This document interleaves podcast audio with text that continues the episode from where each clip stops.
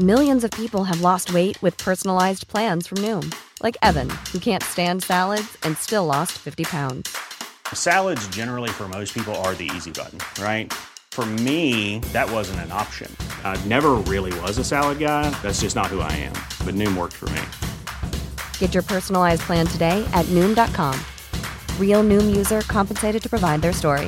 In four weeks, the typical Noom user can expect to lose one to two pounds per week. Individual results may vary. Ryan Reynolds here from Mint Mobile. With the price of just about everything going up during inflation, we thought we'd bring our prices down. So to help us, we brought in a reverse auctioneer, which is apparently a thing. Mint Mobile unlimited premium wireless. Ready to get 30, 30, bit to get 30, bit to get 20, 20, 20, bit to get 20, 20, bit to get 15, 15, 15, 15 just 15 bucks a month. So, Give it a try at mintmobile.com slash switch. $45 upfront for three months plus taxes and fees. Promo rate for new customers for limited time. Unlimited more than 40 gigabytes per month. Slows. Full terms at mintmobile.com. Hej alla goa rövare och hjärtligt välkomna till ett helt nytt avsnitt av Mord Mord eller myt? Mord eller myt? Hej på er igen. Nu är vi verkligen igång igen alltså. Mhm. Säsong fyra. Huggarkäkar. Vad passar bättre än att inleda med en lek igen? Ja, underbart. Som underbart. är vi, Men det är ändå sjukt att det är säsong fyra redan. Ja. ja, men det är, det är bananas. Ett och ett halvt år har Jag minns det som igår när vi satt och drack Tuborg i vårt sovrum. Ja, Ja, Spelade in i telefonen Ja. och Åke klev runt på den. Precis. det Och det var var- inte så länge sedan. Nej. Ja, han Sa någon mitt namn? Du är med idag med. Ja. Vi pratar om dig. Men vi ska köra en lek nu. Nu ska vi Ja. leka. Mm. Linnea Jag har leka. eh, lite quizfrågor som är helt random. Och jag ställer den och ni alla får svara, tänker jag. Och så kör jag lite, jag säger namnet på den som får svara först. Mm, bra. Så roterar Lär. vi lite med vem som är först. Svårt känns. Okej, första frågan. Vad betyder bokstäverna HP i HP-sås? Tor. Ja. Ehm, jag tror det står för... ehm, ehm, Gissa på någonting bara. Harry Potter-sås. Ja, det jag tänkte säga. Okej, Moa då. Jag tänker typ såhär high... Eh, Tyst. HP-sås, vad är det i HP-sås ens? Det är typ som brun ketchup. Ja. High protein. Nej jag vet inte! High protein sås. Riktig gym, alla gymmares Ja. älsklingssås. Ja, precis. Okej, och Rebecca? Eh, hot pepper. Det står för Houses of Parliament. Nej men, Jaha, men. var det så? det var lame. Det hade man inte kunnat veta. Okej, hur många procent av alla människor dör i sömnen? Oj. Hur många procent? Är det jag som ska svara först nu? Ja. Som dör i sömnen. Det behöver inte vara, då räknas det ju inte med om man dör i sängen för man kan ju vara, alltså så här, då är det Mm. verkligen när man sover man dör då. Mm. Det kan ju inte vara så jättehög procent. Jag skulle gissa på, fast det är av alla människor. Det var svårt. Är det den som är närmast som på poängen? Ja, det tänker jag. Ja. Okej. Men jag tar väl eh, 13 procent. Mm. Rebecca? Jag säger 2 procent. Tor? Jag tror 36 procent. Moa var absolut närmast. Det är 15 procent. Åh, jävlar! 15 procent. Snyggt. Jag tror det var Av- fler. Kör, kör några frågor till här. Ja. Ska vi se. Okej, det här är på tal om döden. Vi fortsätter där. Mm. Ändå en motpodd. Passande. Jag Liksom. gillar ju det ämnet. Vilken är statistiskt sett den vanligaste månaden att dö i? Och. Rebecka får börja svara. Eh, juli. Tor? Mars. Moa? Och det här är hela världen då? Mm. tänker när det är kallt så är det ju svårt för de som inte... Mm. V- vad sa du? Jag sa juli. Jag tänkte Och att det maj? folk Nej. dör när det Jag var tänker Mars är krigsguden. Det är många som dör i krig. smart. Mm, det är väldigt smart tänkt. Men jag tar... Eh, jag tänker det är mycket alkohol och sånt i december. Jag tar december. Moa är närmst igen. Det är Ah. januari. Mm. Januari. Nej, det har inte mig. Varför sa du inte, det Inte. då? Okej, vilket är världens bäst säljande instrument? Tor börjar. In, är det är, och inklusive så här, mjukvaror och... Det vet jag inte. Så det, det det, jag vet ju inte för jag har inte skrivit frågan. Så jag vet inte, jag tänker fysiska instrument tänker jag. Men sa du bäst? instrument. Bäst säljande. Okej. Mm. Fysiska instrument, fysiska instrument, fysiska instrument. Ja men alla brukar, en gitarr, jag tror det är gitarr. Det måste vara gitarr. Moa? Mm.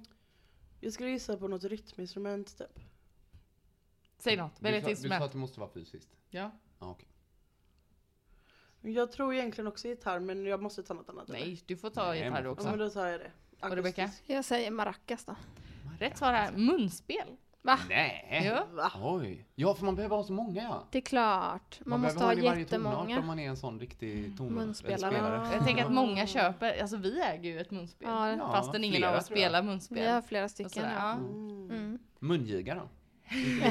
Inte längre, men det var mest säljande instrument, bäst säljande på... eh, Medeltiden. 1860-talet. Min andra gissning skulle vara blockflöjt. Ja. Jag tänkte sån 808. Okej, hinner en människa räkna till en miljard under en livstid? Moa börjar svara. Det är ja eller nej fråga liksom. Vad sa du? En miljard Mm. under en livstid? Mm. Jag fattar inte. Hinner man räkna till en miljard under sitt liv? Aha. Om man räknar dygnet runt. Det beror på Från hur länge man är lever. bebis. Från att man kan prata. Ja. Det beror på Tänker. hur länge man lever men... Eh, eh,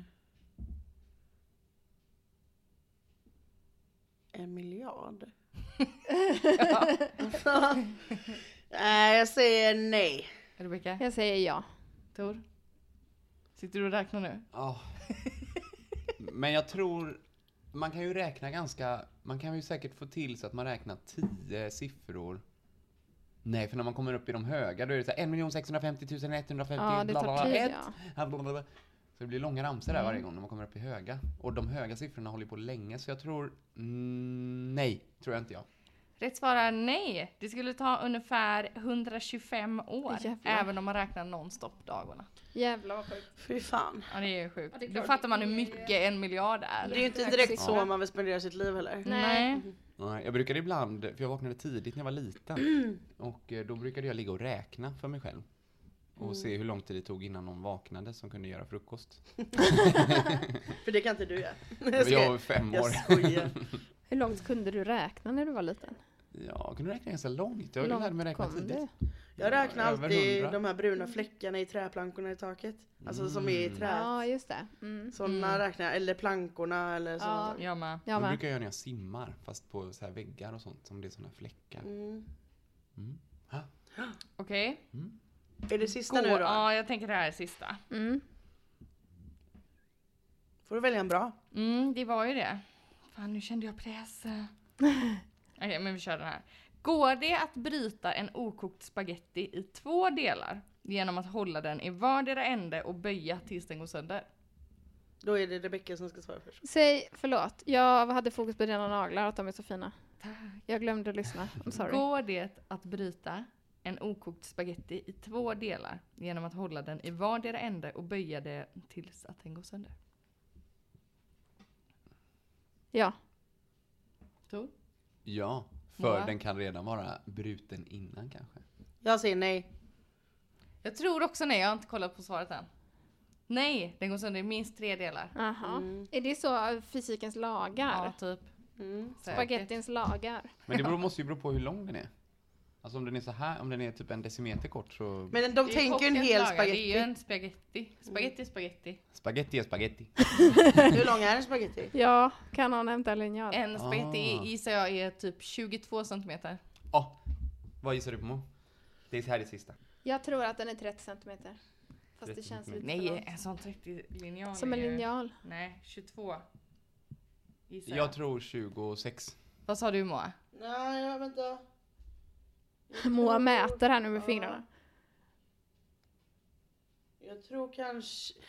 Tjo- eh, 28 tar jag. Du tog 28, Mm. du tog, 30. och du tog 22. Ja. Jag tog 26. Mm. Eh, den, n- eh, så här är det, att från början var de 50 cm långa när de uppfanns. Mhm. Men nu är de hälften, alltså 25. 25. Då var Tor närmst. Tor var närmst. Grattis. Men jag var ändå nära, jag är nöjd med det. Ja. Tack. Hörru. Ja nej men det var roligt. Ja, det var skoj. Lite så hjärngympa innan Ja. vi kör Eller igång. hur? Nu är våra hjärnor uppvärmda. Ja, Nu är vi redo för... Mord eller myt? wow! Och så åker ba!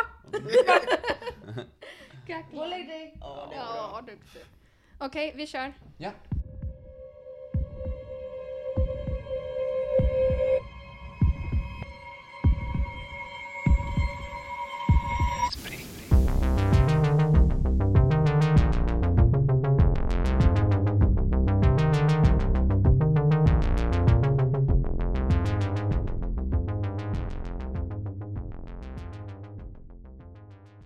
Året är 1987 och vi befinner oss i Tierp som ligger mellan Uppsala och Gävle typ.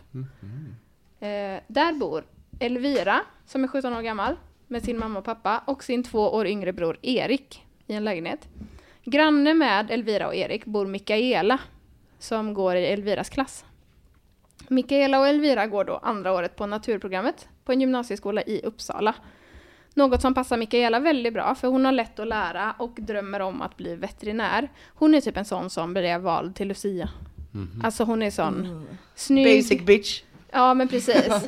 Normsnygg och liksom duktig i skolan. Eh, äkta duktig flicka. Elvira har inte riktigt lika lätt för sig. Hon är typ lite slarvig och liksom lite otålig men hon jobbar väldigt hårt. Eh, och får det att funka liksom. Och får så här bra betyg för att hon pluggar, alltså sliter. Medan Mikaela då kanske mer bara är, typ. Erik däremot, alltså Elviras lillebror, han har det jättetufft i högstadiet. Han är typ bråkig, stökig, avbryter lärarna under lektionstid, slåss, röker och så vidare. Och så vidare. Och när han senare är 28 år gammal så kommer han att genomgå en ADHD-utredning som kommer bekräfta då hans misstankar att han har grav ADHD och dyslexi. Men det vet han ju inte då när detta utspelar sig 1987.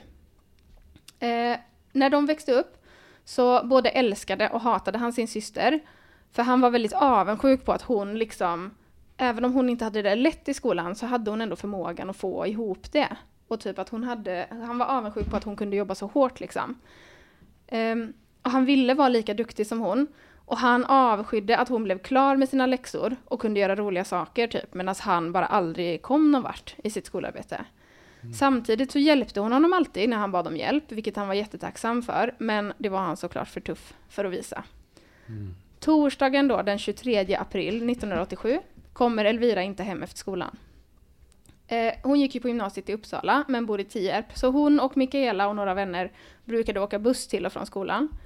På torsdagar då slutade hon 14.45 och brukade vara hemma mellan 16 och 16.50 beroende på då vilken buss hon hann med. Och när klockan blir 18 så blir hennes mamma orolig. Pappan däremot är inte speciellt orolig än. Eh, han säger åt grannen, nej, han säger åt mamman att ringa på hos grannen och kolla med Mikaela om hon vet vart Elvira är då. Och eh, mamman går över till grannen, Mikaela öppnar dörren och hon typ rodnar lite när hon ser Elviras mamma. Och Mikaela berättar att hon och Elvira tog samma buss hem, men att Elvira skulle till biblioteket för att låna några böcker, typ till något skolarbete, eller sätta sig och plugga eller någonting. Så de hade liksom gått åt olika håll då när de kom fram till Tierp. Elviras mamma går hem och pratar med sin man om vad hon har fått veta. Och den här pappan menar att ja, men hon kommer säkert hem för biblioteket stänger 18.30. Så hon kommer hem snart, ta det lugnt typ. Det är jättebra att hon tar studierna på så stort allvar och hon vet att hon måste respektera familjens middagstid. För det är en sån regel vi har typ. Eh, för att ja, kommer hon inte hem i tid då så får hon äta kall mat. Så de, de brukar liksom äta middag tillsammans. Så de börjar äta sin middag då utan Elvira. Medan de äter så frågar de Erik om hon hade sagt något till honom, men han bara rycker på axlarna. Och när de fortsätter fråga så blir han väldigt arg och typ skriker ”Jag vet ingenting, sa jag för fan!” och skyfflar i sig mat och säger inget mer under middagen. Efter middagen då eh, går Elviras mamma ut en promenad för att eh, leta efter sin dotter. Biblioteket är då stängt och hon liksom, jag vet inte vad hon tänker, men hon vill, tänker väl att Elvira ska vara där någonstans.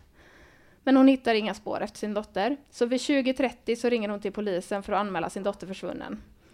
Eh, de gör en anmälan och polisen lovar att hålla utkik efter henne då när de är ute och åker på kvällen. Men ingen Elvira kommer hem. Mamman kontaktar polisen igen eh, lite senare på natten och kräver att de ska dra igång en sökinsats. Så polisen pratar då med busschauffören som har kört den här bussen som hon har suttit på och andra som satt på bussen, personalen på biblioteket med mera. Men eh, man är också särskilt hård mot Mikaela i förhör eftersom hon eh, var den sista som pratade med Elvira då, innan hon försvann. Men Mikaela fortsätter hävda att Elvira sagt att hon skulle till biblioteket i Tierp för att plugga. Och det visar även de andra vittnena. Liksom. Busschauffören säger att hon gick av i Tierp, bibliotekspersonalen har sett henne på biblioteket och så vidare. Eh, man intervjuar också eh, Elvira och Mikaelas klasskamrater. Och då frågar man om Elvira hade några ovänner eller någon så avundsjuk pojkvän eller liksom finns det någon man kan misstänka. Men alla svarar samma sak. Ingen bråkar med Elvira. Hon är inte den som blir arg eller förbannad över någonting alls liksom. Och alla gillar henne, trots eller på grund av hennes popularitet och att hon var så duktig i skolan. Um, hon var typ duktig på allt som hon tog sig för, eller så här, en väldigt positiv person bara. Uh, och gjorde aldrig något väsen av sig, uh, utan hjälpte gärna till om det behövdes. Och så frågar de då, fanns det någon kille i hennes liv? Kan det vara ett svartsjukedrama? Hon har lagt mycket tid på skola och vänner. Dejtade hon kanske två killar samtidigt? Men de flesta bara skrattade åt det, för Elvira var inte en person som dejta. Och hon pratade aldrig om eh, pojkar, hon var liksom inte intresserad av det. Och alla som de pratar med säger att hon aldrig skulle dejta två killar samtidigt, för hon är för snäll. Hon är inte en sån som sårar folk liksom. Och timmar, dagar och veckor går. Man hittar inte ett spår. Inga kläder, ingen plånbok, ingen väska, inga vittnen, ingen kropp, ingenting. Elviras familj vill inte ge upp sitt hopp. Familj, vänner och grannar ger sig ut för att söka i området varje kväll. Och folk från både Elviras klass och Eriks klass hjälper till i sökandet. Lärare hjälper till, präster i området, alltså alla i hela det här området hjälper till för att söka efter henne, men man hittar ingenting. Och till slut blir det då ett kallt fall. Och familjen, det är ledsamt att familjen länge dukar till fyra personer vid middagen. Mm, och så här, hennes, de kommer hem. Ja, och hennes rum står ostört i flera år och så här. Eh, tiden går och eh, Mikaela och hennes familj flyttar ifrån området i början av 89 och familjerna tappar då kontakten. Elviras mamma läser varenda nyhetstidning varje dag i flera år för att se om det finns någonting liksom. Mm. Eh, pappan däremot stoppar huvudet i sanden och jobbar så mycket han bara kan. Han är väldigt sällan hemma liksom. Först när Erik har tagit studenten och flyttar till Göteborg för att plugga verkar han och eh, Elviras, hans och Elviras föräldrar vakna till och verkligen så se varann. Och de börjar acceptera då att Elvira är borta. Typ städar ur hennes rum, slutar fira hennes födelsedag, eh, slutar göra ärenden till biblioteket i hopp om att hitta henne där. Mm. Eh, Erik däremot hoppar av skolan efter tre terminer för han kan ju inte plugga. Och han eh, säger själv att han inte orkar vara, han orkar inte försöka vara som sin syster. Så han drar utomlands, jobbar som bartender på flera olika semesterorter, typ Spanien, Grekland, Italien, hamnar i fel sällskap, börjar dricka, testa droger och så vidare. 1995 flyttar han tillbaka till Sverige och fortsätter typ festa ett tag, men sen blir han ren 96 och börjar jobba på en bilverkstad i Farsta där han verkligen trivs. Och så en dag 1999 händer någonting. En man är då ute och rastar sin hund i skogen runt Vegavallen som är typ ett så, ja men vad ska man säga, fritids, ja men typ en friidrottsarena Mhm. med lite fotbollsplaner och sånt Mm. som ligger ut, i utkanten av Tierp. Och en bit in i skogen där då så krafsar hunden vid en fallen trästam och typ skäller glatt och krafsar ivrigare och ivrigare. Efter 3-4 minuter kommer hunden tillbaka till sin husse glatt vi- viftande på svansen och med något i munnen. Och hunden, när hunden kommer närmare så ser mannen att det är ett underben. Oj. Ehm, ja. Snart är då polisen på plats och man hittar rester av kropp, en kropp. Och genom DNA-testning kan man då bekräfta att det är Elvira. Och hennes kropp har blivit styckad. Man hittar tygfibrer i jorden runt omkring som matchar de kläderna hon ska ha haft på sig när hon försvann. Eh, alla Elviras tänder är borta. Mm. Men det går inte att avgöra varför. Skallen har en inbuktning på höger sida som skulle kunna matcha en golfklubba. Så polisen är säker på att den som har slagit Elvira då stod framför henne och är med, därför med stor sannolikhet vänsterhänt. Så polisens hypotes är att Elvira har fått ett slag av en golfklubba i höger sida av sitt huvud och att då den som anföll henne stod rakt framför och därför är vänsterhänt. Så de börjar söka efter människor i Elviras omgivning som spelade golf i slutet på 80-talet. Svårt. Ja, men det är ingen som gör det. Eh, inte, det liksom finns ingen som varken spelar eller har spelat golf som fanns i Elviras närhet. Så polisen kör fast igen. Mm. Eh, Erik gör sin ADHD-utredning, han börjar medicinera, hans familj och vänner märker snabbt att han blir gladare och lugnare. Och tiden går. Den 3 januari 2002 är Erik hemma hos sina föräldrar efter att ha firat jul med dem och nyår med gamla vänner. Samtidigt är Mikaela på besök i Tierp. Och eh, de typ pratar inte med varandra så. Alltså de har liksom ingen kontakt. Men enligt eh, vittnen så har de en, eh, någon slags utbyte på tågstationen Mhm. en kväll, för de ska med samma tåg. Och enligt vittnen då så har de sagt typ så här. Eh, Mikaela frågar Erik om han har pratat med någon om det som hände. Och Erik svarar nej, det har jag aldrig gjort. Och Mikaela svarar inte jag heller. Erik frågar då Mikaela om hon är gift. Och Mikaela liksom visar sin vigselring och säger ja, jag är gift med en man. Och Erik skriker då. Va? Elvira dog i onödan. Och Mikaela säger förlåt. Erik skriker typ du är din jävla hora, du är en sån jävla fegis, jag ångrar att jag skyddade dig, du kan dra åt helvete. Och den kvällen så berättar Erik för sina föräldrar vad det var som verkligen hände. Mm. Mord eller myt? Ba, ba, bam. De två hade en kärlekshistoria alltså? Vet vi Nej. inte än. Alltså Det tolkar Mika- inte jag, det Mikaela och. Elvira. Ah, ah, Ja. mm. Det tolkar jag. För Alltså. att eh, hon sa jag är gift med en man just. Mm. Och så sa han att, eh, att han inte skulle skydda att hon var Mm. homosexuell då kanske. Ja för att han reagerade inte på att, på att hon var gift. Nej. Utan det var ju med att hon var med en man som var Och att han kallade henne för fegis liksom. Mm. Så det är Ja. vi överens om att det var vi säkert det då. det är inte det vi ska ta reda på dock. Nej. Men... Eh, Det här var svårt det här fallet tycker jag. mm, Ja, det var också mu- mustigt. Det var en hel livshistoria. Men jag, jag... Namnen körde ihop sig lite för mig. Elvira var ju hon som Blev mördad. Mm. Var det hon som var den där duktiga flickan? Ja. Och Mikaela var hon som pluggade hårt. Okej. Nej, Elvira pluggade hårt. Mikaela var var bara duktig. Aha! Alltså, Mikaela var det? Ja, Mikaela var Ah. bara duktig och kunde liksom Alltså Elvira var själv. också duktig men hon behövde lägga ner Hon la ner effort. tid. Ja okej för då, för annars tänkte jag att Mm. det hade kunnat vara någon sån grej. Som eh, Alltså att eh, Mikaela var avundsjuk på Elvira att hon hade så lätt för sig. Men då var det ju tvärtom. Mm. Men eh, om nu de hade en kärleksaffär, varför skulle då Mikaela vara in... Alltså varför skulle de vilja ta, döda Elvira? Jag vet inte om det är de som har dödat henne, men det kanske är någon som har dödat. Ja. Fa- Fast i och för sig, vad heter det, hon rodnade ju när de var hemma hos henne och Ja. frågade efter henne. Och då rodnade hon och bara hehe, på Ja, biblioteket. och också att eh, hur har han annars skyddat henne? Mm. Ja, man kanske har skyddat att hon, Men att nu han ska inte vi outat inte lista henne. ut vad det är som har hänt, nu ska vi lista ut om det är sant eller falskt. Jo men såna här grejer kan ju leda fram till att man, Ja, okej. vi spanar, ju- spånar ju i det. Mm. Det är ju det vi ska göra. Men, eh, ja i och för sig det är sant att han har inte berättat någonting. Men, då, men han sa ju också att då har hon dött i onödan. Mm, mm, Det är ju det mm. som är så här. Ja, men det kanske är hon som har bonkat, bonkat ner. Men det känns som... Nej att så- han har gjort det. Tror du han har gjort Ja, det? jag tror också att han för har han gjort var ju så utåtagerande ADHD-barn liksom.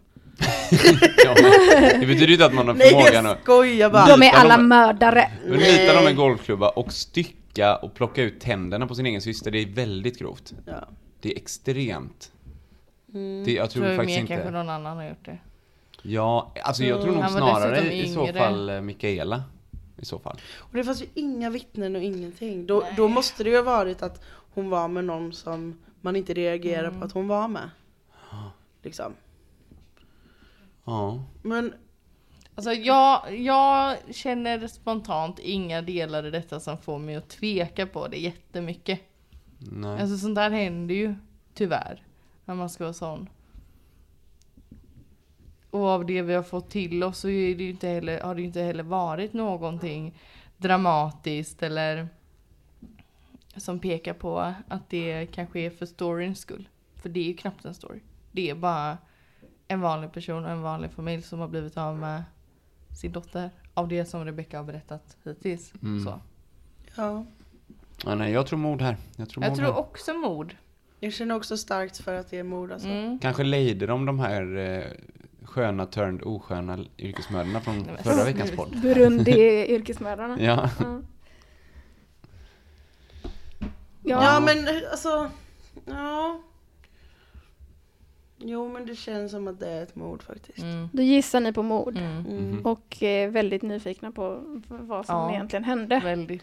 Men var det Eh, rätt? Det är inte ett mord, det är en myt. Är det en myt? Fan alltså! Ja. Är det, Eller typ vad en- bra! är det Wallander? Eller Beck? Nej, det är så här att vi har en lyssnare Mhm. som heter Malin Bredenberg som har skrivit det här fallet till oss. Mhm. Oj! Ja! Oj! Bra jobbat Malin. Alltså Väldigt fantastiskt. bra. Riktigt Det är bra. ju ett sånt kriminalmanus. Ja, du är grym Malin. Ja, verkligen. Det är nice med alla de här små detaljerna som man blir lite heartbroken av att de ställer Ja. fram middag. Ja, jag höll på att Fira börja hennes födelsedag. Eller hur? Men då betyder det alltså att hon har ju skrivit en fortsättning? Hon har skrivit en fortsättning. Ragadang, Då vill man ju höra det nu. Jag har ju, och förlåt Malin, men jag hoppas det är okej att jag inte ordagrant nu citerade ditt manus, utan jag pratade från eh, Hjärtat. hjärtat. Eh, nej men jag läste inte innan till eller så som jag brukar göra. Jag brukar bara skriva och sen brukar jag komma ihåg vad jag skrivit ungefär. Mm. Men så här var det då. Mikaela och Elvira hade varit ett par. Men de vågade inte berätta det för någon för att de var rädda för vad, hur folk skulle reagera liksom. Mikaelas pappa Bosse hade kommit på dem när de kyssts inne i Uppsala. Oj.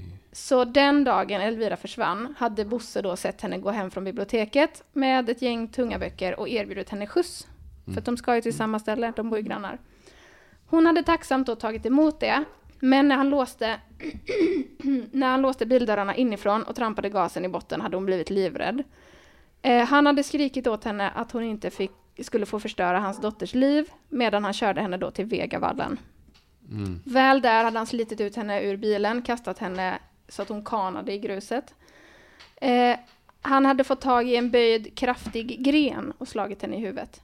Och när han insåg att hon var död fick han då panik och hade dragit ut henne i skogen, slängt henne i en grop, täckt den med löv och mossa och så styckat och dragit ut tänder och sånt. Eh, Mikaela och Erik hade då suttit hemma hos Mikaela och pluggat eftersom Erik hade ett stort prov dagen därpå och som han var jättestressad över. Och han hade inte tålamod att vänta på sin syster, så han hade gått över till Mikaela och bett om hjälp. De hade då sett Bosse komma in i huset, lägenheten, med blod, lera och gräs på kläderna och stirrat på honom. Och den blicken han gav dem räckte för att de inte skulle våga berätta om sina misstankar för någon. De hade inte ens vågat prata med varandra. Eh, när polisen sen då tar in honom på förhör efter att Erik har berättat om det här för sina föräldrar så visar han ingen ånger utan snarare, verkar snarare stolt över det han har gjort. Med den där flatan ur vägen så hade ju hans egen dotter fått se ett anständigt liv med man och barn. Mm. Så Fucking Bosse, Bosse, alltså. jävlar jävel. Bosse bajskorv. Bosse bajskorv. Men alltså en applåd! Malin!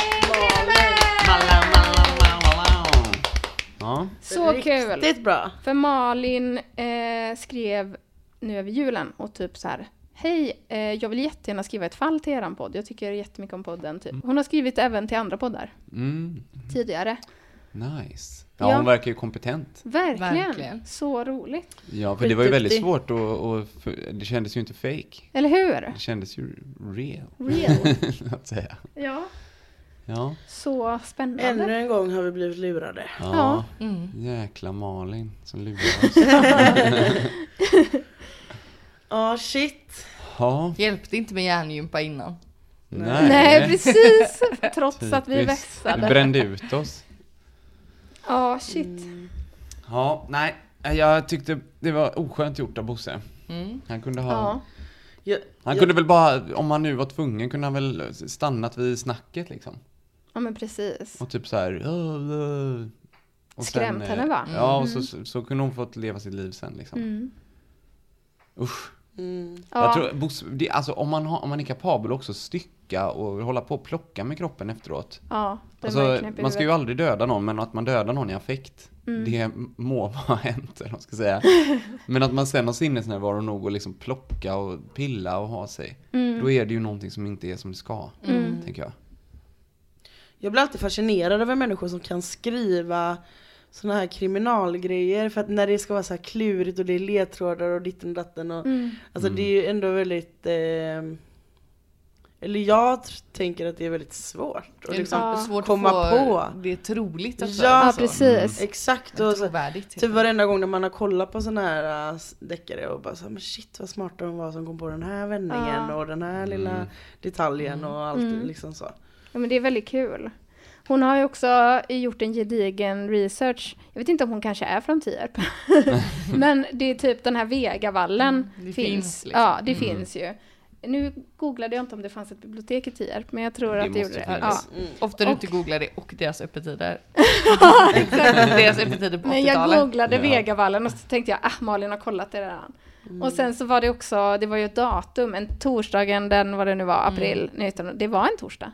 1987, det datumet. Nämen, det är ju Så väldigt imponerande research. Malin har ett öga för detaljer. Ja. Verkligen, sånt som vi aldrig hade ifrågasatt. Nej, men precis. Det är klart det var en torsdag. Ja, Det är klart det finns en Säger i det så är det så. Liksom. precis. Nej men ni vet ju att jag gör jättemycket, eh, alltså 90, nej inte 90 kanske, men 85% av manusarbetet jag gör är ju bara kolla, är det här verkligen sant? Mm. Kan jag säga det här? Om, det jag ska, om jag liksom, premissen för podden är att det här är en sann historia jag berättar nu, då måste ju allting som är sant verkligen vara sant. Så Ja men det blir så, trovärdigheten sjunker ju i Ja. botten om det visar sig att något Exakt. inte är sant. Det slarvade jag kanske lite med när vi började med podden. Men nu har jag faktiskt på senare tid varit väldigt noggrann. När det är Ja. myt, att det inte ska likna verkligheten. Mm. Det får inte vara så här, jag har sett en film baserad på ett verkligt mord. För då blir det ju sant. Alltså, ja. Mm. Så jag, jag eh, uppskattar verkligen att Malin har gjort den extra, det extra arbetet. Jag har till och med fått två olika versioner av den här texten. Oj. Oj, vad Wow. hände i den andra då? Eh, det var... Nej men det var samma fast den senare versionen så var det lite mer så att Bosse, eh, att han satt i förhör och så. Ah, Ja. Han var mer delaktig liksom. Brukar Malin skriva liksom texter? Ja. Är hon författare? Ja, Nej. eller, nej. Eh, Det är en hobby bara. Det är en hobby, ja precis. Och ett sätt att liksom kanalisera eh, jobbiga saker, eller så här jobbiga känslor, förstod jag det som. Hoppas det är okej att jag säger det Malin. Eh, så jag tänker haft att det är oftast, oftast är så. Liksom. Med kreativa liksom- uttryck. Ja. en kreativ eh, ventil så. Mm. Mm. ja men så är det väl för de flesta tänker jag som Mm. håller på med musik eller konst eller. Ja, och jag fattade det som att Malin lyssnar på väldigt mycket eh, poddar av det här slaget liksom. mm. Men att vi var en favorit. Nämen, Ja. Roligt. Malin. Jättekul att Så eh, få ta kul. del av ditt verk. Verkligen. verkligen. Så roligt. Tusen Verkligen, tack. säger ni. ja. Tusen tack Malin. Ja. Du är fantastisk. Underbart. Vi lurar om. Nu blir jag värsta inspirerad att skriva. Jag älskar ju att skriva egentligen. Men Ja. Tänk om du skulle skriva en till podden. Det Då får kul. inte du vara med. nej. Eller så Jo, men du kan bara väl vara det. den som läser upp det? Det räcker ju att jag Ja, vet. Så du vet kan vi ju du- ta över ro- rollen som eh, poddledare en gång. Ja. Ja, jag vet inte om jag just vill skriva ett fall så, men eh, bara att kreativt skri- eller skriva kreativt Mm. liksom. För jag gjorde mycket det när jag var liten. Jag skrev ju alltid berättelser och dikter Mm. och massa sånt. Men det är något man har, ja. Blir du lite sugen igen nu? Ja men jag fick lite sugen Kul. då. Vad roligt. Ja. Det är ju väldigt kul att skriva. Mm. Alltså Det faktiskt. är det. Men det, man gör ju det så sällan. Jag, pra, jag pratade med Nelly om det senast i morse liksom att för att min mamma ska gifta sig nu till sommaren och då behöver det. jag ju skriva ett tal. Mm. Och att det var så länge sedan man skrev någonting som inte var typ när man sitter och pluggar eller till Mm. jobbet eller sådär. Så, så att det, man har ju tappat det lite liksom. Så. Mm. Men Ja. får man väl börja öva igen. Ja men precis. Jag kan känna att jag blir så otaggad efter att, eller liksom när jag har jobbat en hel dag, då blir jag så otaggad på att sätta mig och skriva manus. Ja När det jag förstår jag ju verkligen. Så jag sitter ju mycket på Men då är man ju helt ut, alltså man har all ju social energi, ja det är man, blir man ju Precis, i ett sånt yr- socialt yrke också. exakt. Så då gäller det verkligen att jag hittar ett fall som jag känner mig taggad på att berätta om. Mm. Så det är supervärdefullt att eh, få ett fall så här levererat gratis. bara. Jag blir taggad på att kolla på The Mentalist nu efter att Ah, ha mm, luskat lite. Mm. Det är ju nice. Men ikväll ska vi väl kolla på På spåret? Ja, det tror jag. Ja, Vi missade i eh, fredags. just det. Ja, jag kollade faktiskt i fredags. Mm. Det var kul. Jag kunde inte mycket men Nej. Det är inte ofta jag kan mycket, men, eh, Mm, Men man blir så- alltid något. Ja, och man blir så, man får sån boost Ja, när man när kan. man kan. När man sitter på 10 poängen och skriker rätt stad, Mm. då blir jag taggad. förra veckan Ja. kunde jag ändå ganska mycket Mm. Mm. faktiskt. Jag blev ändå chockad. Ja, roligt. Ja. Jag har konsumerat extremt mycket tv-serier och böcker. Jag har läst väldigt mycket nu när jag bara varit hemma och varit sjuk. Men eh, just började jag fundera så här. Eh, eller när jag var på väg hit så började jag fundera typ, ska man tipsa? Och sen bara, men kanske vi ändå vill ta upp de här böckerna i podden. Mm, jag lite inte riktigt om jag vågar tipsa.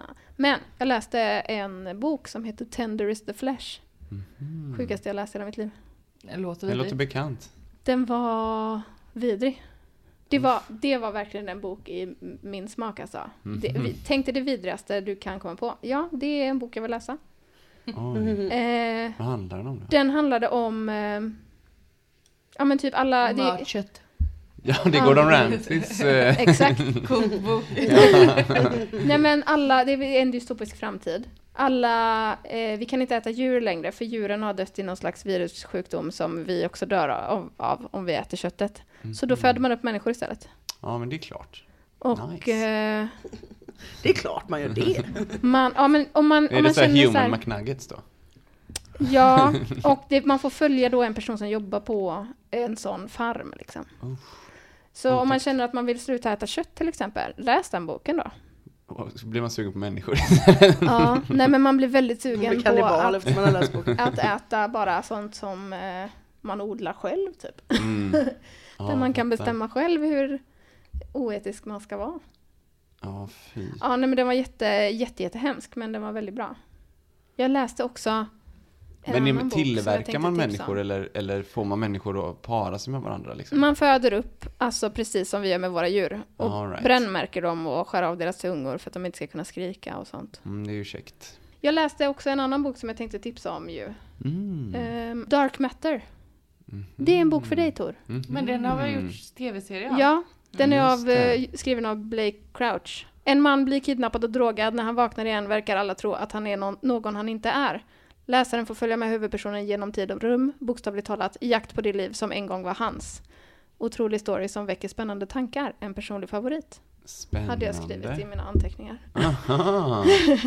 Nice. Den var jättebra. Den ska jag ju ta mig an Ja, förstås. det, jag tror verkligen att du hade gillat den. Mm. Det lät Dark jättespännande. Matter. Mm. Man kan inte liksom prata mer om den än så, men Mm. den väckte verkligen frågor. Jag har gått och pratat med Anton jättemycket och bara så här. Tänk om det vore så här då? Att man, och så vill man försöka, och det är jättesorgligt, men tänk om man, hur skulle du göra? En sån här sjuk situation.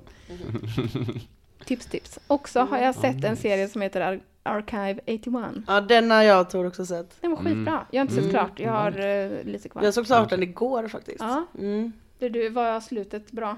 Annars lägger jag ner den nu. Nej, se det. Alltså, ja.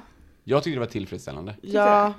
Ja. Eller det var så här, jag ska inte säga hur det slutar, Mm. men eh, allt som allt så är det ju som en, ganska som, mycket som en klassisk rysare. Ja, Mm. precis. Och den håller det liksom. Ja, Mm. Och det är man ju alltid nöjd med sådär. Så, ja. Jo men jag blir, kan ju inte säga att jag blev besviken nej. Jag var tvungen att stänga av för att jag kände så här, jag pallar inte med det här med ljuden mer. nej, det är Mycket mycket sånt ljud i ja. den serien. Ja, det är obehagligt men det är spännande alltså. Mm. Och där finns en annan serie som heter Requiem. Som också funnits i alla fall tidigare på Netflix. Som också är väldigt bra med så här äckliga ljud. Mm. Mm. Mycket kroppar som knakar och sånt. Oh, det tycker jag är otäckt. Ja, jag är med, jag gillar inte det alls. Uh. Nej. Tips, tips. Mm. Ja men gud, vilken bra grej. Ja. Mm. Har vi några mer tips? Euphoria. Euphoria. Ja, alltså det borde man se. Jag trodde ju verkligen att det var överhypat liksom. Ja, att du inte skulle gilla den. Ja, att det, att det, för jag läste inte någonting om den innan jag började kolla på den. Jag visste Mm. inte ens vad den handlade om. Och jag hade liksom förutfattade meningar om att det var bara en vanlig jävla ungdomsserie typ. Och så här tänkte jag, den är väl säkert inte så bra som alla säger. Mm. Det har bara blivit en stor grej på TikTok typ. Men jag hade så fel. Mm. Alltså den, jag tycker verkligen den är, alltså klockrent manus, rekvisitan, alltså hur det är filmat, alla, eh, ja men alltså allting med den. Mm. Sen är den ju väldigt tung. Ja det är den, mörk alltså. Den är väldigt mörk. Men den är, kan också, alltså. Den är väldigt intressant. Mm. Alltså väldigt bra karaktärs, eh, Ja. vad heter det? Säger man? Utveckling. Ja, ja, det är trovärdiga karaktärer liksom. verkligen. Mm. Och väldigt nice soundtrack med Mm. labyrint. Mm. Ja, det är faktiskt Mm. bra soundtrack. Verkligen. Jag har Ja, inte sett serien men jag har lyssnat på soundtrack. Ja, nej men man borde verkligen se. Ja. Ja. Så ja, tips, tips, tips om man inte har gjort Tips, det. Och tips, nu tips. är det ju säsong två då, så släpps ett avsnitt varje söndag. Mm. Men jag hade ju inte ens sett säsong ett nu när jag började kolla på det. Mm. Så att, ja. Jag ska Just kolla på det. när jag kommer hem sen när jag har klippt Mm. dagens. Ja. Ja, Jag har också läst en vidrig bok. Mhm. Fast den är vidrig för att den är, eh, vad ska man säga, den är inte så gårig. Den är mer sorgset vidrig. Liksom. Man får följa en, eh, den heter eh, Ett litet liv av har Hania. Yanagihara. Har du också läst den? Jag mådde så dåligt flera veckor. Ja, jag är inne i den här, jag läste ut den för någon vecka sedan typ. Ja, det är en process att deala med den alltså. Ja, verkligen. Men, och jag brukar kunna, jag tycker ibland att, för att den är ganska, ibland är den ganska grafisk. Mm. Eh, och jag kan tycka att det är lite osnyggt av författaren om det blir för grafiskt. Om det i genren inte passar liksom. Mm. Men jag tyckte ändå att det funkade bra ändå i den. Ja, den är så hemsk. Den är fruktansvärd. Man får i alla fall, det handlar om att man får följa fyra kompisar med en person i centrum som är eh, som har liksom ett ganska så här kraftfullt självhat. Eller ja, hans, hans beteende är liksom symptomatiskt för någon som lider av ganska kraftigt självhat. Och så får man liksom mer och mer få reda på varför han liksom känner sig mindre värd och sådär. Mm. Eh, och hur hans kompisar, och så, ja, det är ju liksom, man får följa hela deras liv i princip. Ja, den har ju, eh, det är ju så här massa psykoterapeuter och sådana människor som har eh, sagt att den är direkt skadlig. Mhm. Den borde förbjudas. Ja, men den det är så tänka mig. hemsk. Ja, den är verkligen, men den kryper ju in under Ja. huden på en. har du den här hemma? Ja, Då kanske man får låna. ja. Mm. Ja, men jag tycker att den, den, jag ångrar inte att jag hade läst den. Men Nej. jag mådde väldigt dåligt Ja, av att ja jag läst med. den. Eller liksom, Men jag vill må dåligt. den stannar hos en. Jag hade vissa så här, det var vissa kapitel och klockan var liksom halv tolv. Och sen Mm. nu borde jag sova men jag kan, inte, jag kan inte lägga ner boken nu för jag mår så, jag hade liksom hjärtat i halsgropen Mm. och hjärtat alltså som nästan som en panikpåslag liksom. Ja, precis. Och så Sjukt. bara, jag måste läsa vidare tills det blir lite lugnare, alltså så jag får något annat i huvudet liksom. Mm. Eh, helt galet sätt. Ja, inget för den som är lite skör. Nej, Mm. nej verkligen inte. Men den Men, som är lite skör intressant. kanske inte ens lyssnar på oss och Nej, sant. hör det här tipset liksom. sant. Ja. Nej men nu vill jag ha något att äta. Ja, nu Jag med. eh, söndagskvällen eh, startar nu. Mm. Men vi ses ju, eller hörs ju nästa vecka. Det gör vi. Och glöm inte att höra av er till oss och kommentera och Ja. Mm. Och en extra tack till eh, Mallan. ja. Som eh, fixade en sån fin eh, berättelse. Eller fin, Verkligen. en spännande berättelse. Ja. Mm, Väldigt välskriven. Tack så jättemycket. Tack Malin. Uppskattat. Mycket fint. Puss och kram. Ha det gott. Ta hand om bra. er. Ha det bra. Hej